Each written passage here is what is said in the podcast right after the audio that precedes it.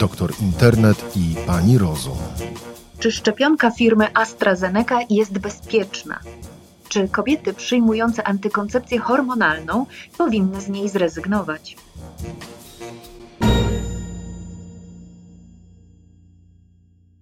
Wczoraj e, Europejska Agencja Leków potwierdziła związek między incydentami zakrzepowo-zatorowymi i szczepieniami AstraZeneca, jednak utrzymuje, że profil bezpieczeństwa tej szczepionki jest zachowany. Pytamy profesora Marcina Czecha, byłego wiceministra zdrowia i specjalistę od oceny technologii medycznych, co to znaczy, czy mamy się bać tej szczepionki. Dzień dobry, panie ministrze. Dzień dobry, pani redaktor. Kłaniam się państwu bardzo nisko. Mamy się jej bać, panie y, y, profesorze, czy nie? Jest ten związek między incydentami zakrzepowo-zatorowymi, czy nie ma? No, agencja e, leków e, analizowała około 80 e, przypadków tych incydentów zakrzepowo-zatorowych, głównie dotyczących ośrodkowego układu nerwowego i jamy brzusznej. 60 było tych pierwszych. Natomiast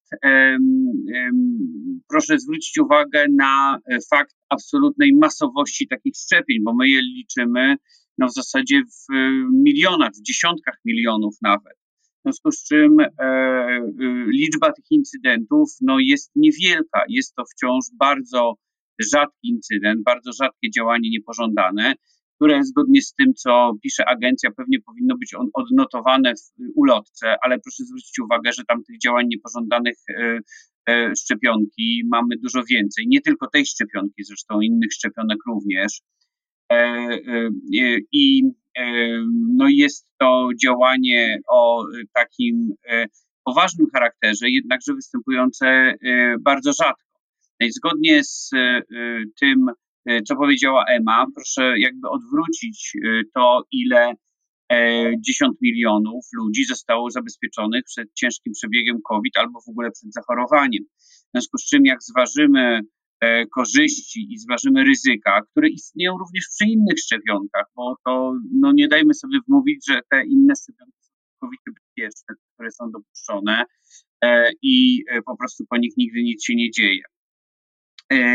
Tam powstała idea co do tego, w jakim mechanizmie powstaje ten, te całe mm, zakrzepowe E, w, jakim w, w jaki sposób one są e, e, uruchamiane. No i one, no znamy ten mechanizm, tam heparyna jest stawiana jako przykład, ale no znamy, znamy jakby ten mechanizm z autoimmunologii, z przebiegu różnych chorób.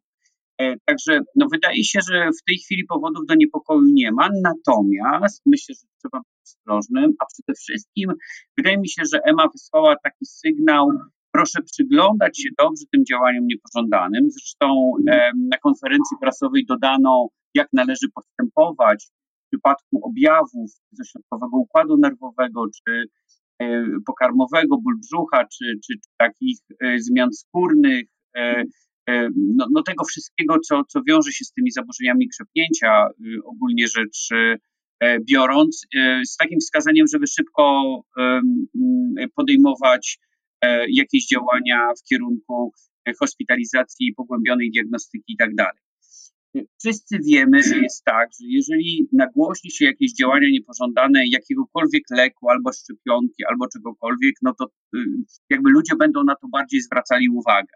E, no i tutaj pewnie jest taki, taka, taka informacja też, zwracajmy uwagę, raportujmy wszystko, co się dzieje wokół tej szczepionki, tej szczepionki i innych szczepionek również. E, uczmy się, bądźmy mądrzejsi, e, być może z tego wyłoni się jakiś obraz. Na, na dzień dzisiejszy wydaje się, że, e, że jednak tych incydentów jest zbyt mało, żeby wyciągać wnioski takie, że, że mamy się bać tej szczepionki. Panie profesorze, e, tutaj się często w kontekście tej, e, tych incydentów zakrzepowych przy AstraZeneca mówi o kobietach poniżej 60, 60 roku życia. Często e, o kobietach też, które są w wieku rozrodczym. Czy pan by zalecał taką ostrożność, jeśli chodzi o 20, 30, 40, 50 latki? Ja bym, ja bym zalecał uważność, ale nie ostrożność, dlatego że proszę, proszę zwrócić uwagę, że no ta szczepionka nie dość, że przeszła badania kliniczne, E, takie, które do, do, służyły do rejestracji, no to e, na poziomie populacyjnym e, w zasadzie większość populacji brytyjskiej została tą szczepionką skutecznie zabezpieczona, do tego stopnia, że kraj, że tak powiem, się otwiera, modne słowo ostatnio, i ludzie zaczynają normalnie żyć. Czyli na poziomie populacyjnym mamy jak gdyby no, super efekt właśnie, tej szczepionki, głównie jej działania. Jeśli chodzi o, e, jeśli chodzi o, y, y, y, o, o kobiety e, i to, jak u nich e, działa ten układ krzepnięcia, to on oczywiście no, bardzo fluktuuje, bardzo się zmienia i to właśnie kobiety w wieku. Dla, stąd jest to Pani pytanie? No, oczywiście to pytanie jest stąd, że większość tych przypadków dotyczyła właśnie takich kobiet i, tak, i, i ludzi w tym wieku. I to podawała EMA, bo EMA analizowała każdy przypadek z tych 80 kilku bardzo detalistycznie i bardzo dokładnie.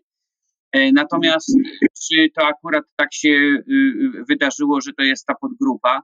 E, chcę powiedzieć, że u tych kobiet profil działania układu przepnięcia zmienia się wraz z cyklem, E, on się zmienia pod wpływem e, tego, że kobiety przyjmują środki antykoncepcyjne albo dawniej przyjmowały hormonalną terapię zastępczą, to już kobiety w, e, nieco starsze.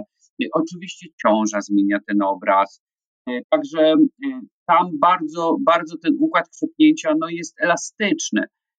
Być może, być może ten wpływ, jeśli nie jest przypadkowy, E, przez ten układ immunologiczny i przez ten układ krzepnięcia, które oczywiście są ze sobą powiązane, e, miał związek. Ale nie, nie wpadałbym tutaj w panikę, że, e, że nie wiem, trzeba odstawić antykoncepcję, brało po prostu przez. Można zapytać swojego ginekologa, jeśli na przykład się zdarzało dużo incydentów, albo się zdarzyły incydenty, nie wiem, zaporowości, czy, czy takie zakrzepowo-zatorowe, E, to może czasowo, ale to będą indywidualne, y, takie bardzo, powiedziałbym, wyszukane przypadki. Na poziomie populacyjnym i na tym poziomie takiego mhm. środka, ja bym tutaj niczego specjalnie nie czynił i na pewno nie wpadał w panikę i na pewno nie twierdził, że to jest jakaś po prostu gorsza szczepionka, niebezpieczna.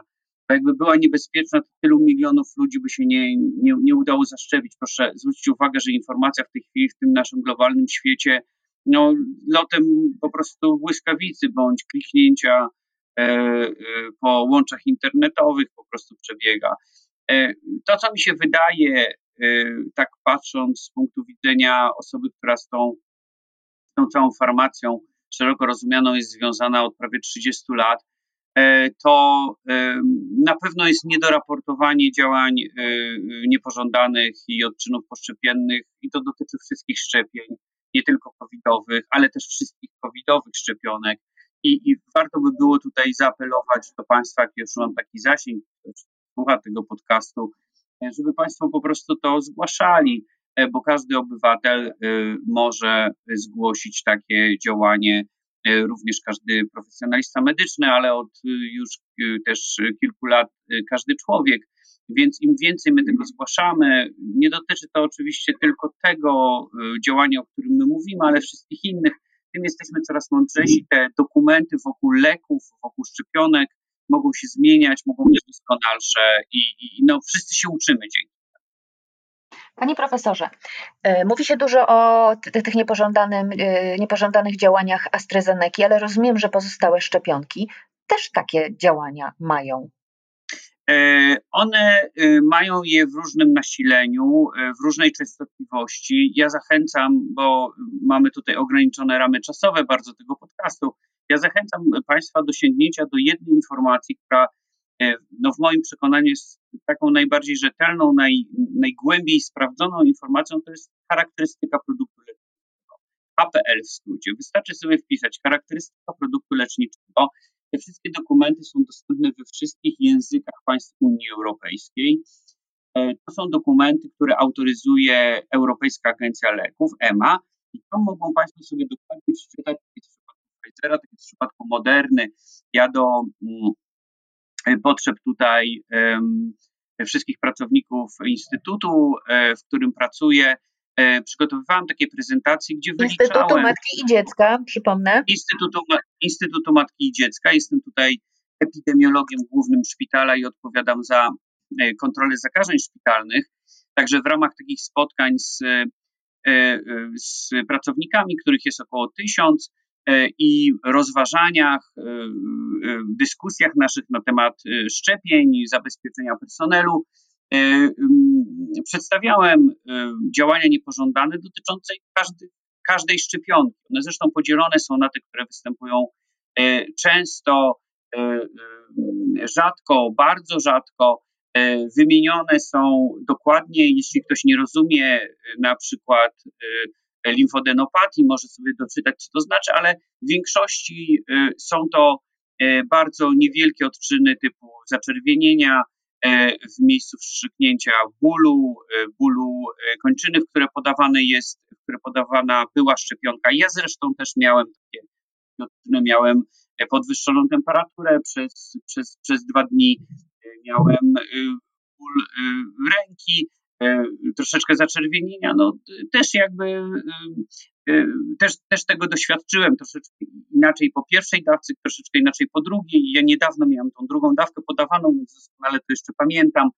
Ja akurat byłem szczepiony preparatem Moderną, no i też mogę powiedzieć, no, że moja jakość życia przez te dwa dni uległa pogorszeniu. E, zdecydowanemu. Także jak najbardziej potwierdzam, e, inne szczepionki również mają swoje działania niepożądane e, i, no i warto, warto tam zajrzeć, warto sobie przeczytać, nie po to, żeby się jakoś bać tego i na przykład odwołać swoje szczepienie, bo proszę zawsze ważyć, ja to też wszędzie mówię, gdzie mam okazję o tym rozmawiać, że korzyści wynikające z e, przeprowadzenia takiego szczepienia no wielokrotnie przewyższają ryzyko związane z e, przyjęciem takiej szczepionki. Bardzo dziękuję panie profesorze. Moim gościem był profesor Marcin Czech, były wiceminister zdrowia do spraw polityki lekowej, specjalista od oceny technologii medycznych, główny epidemiolog Instytutu Matki i Dziecka w Warszawie, lekarz, specjalista epidemiologii. Bardzo dużo panie profesorze tych tytułów, a pewnie jest jeszcze więcej. Bo ja już mam ten wiek, w którym tyle się nazbierało, pani redaktor. To chyba dlatego. Gratulacje.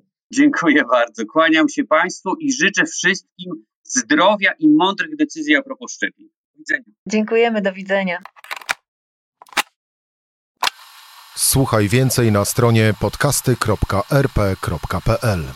Szukaj Rzeczpospolita Audycje w serwisach streamingowych.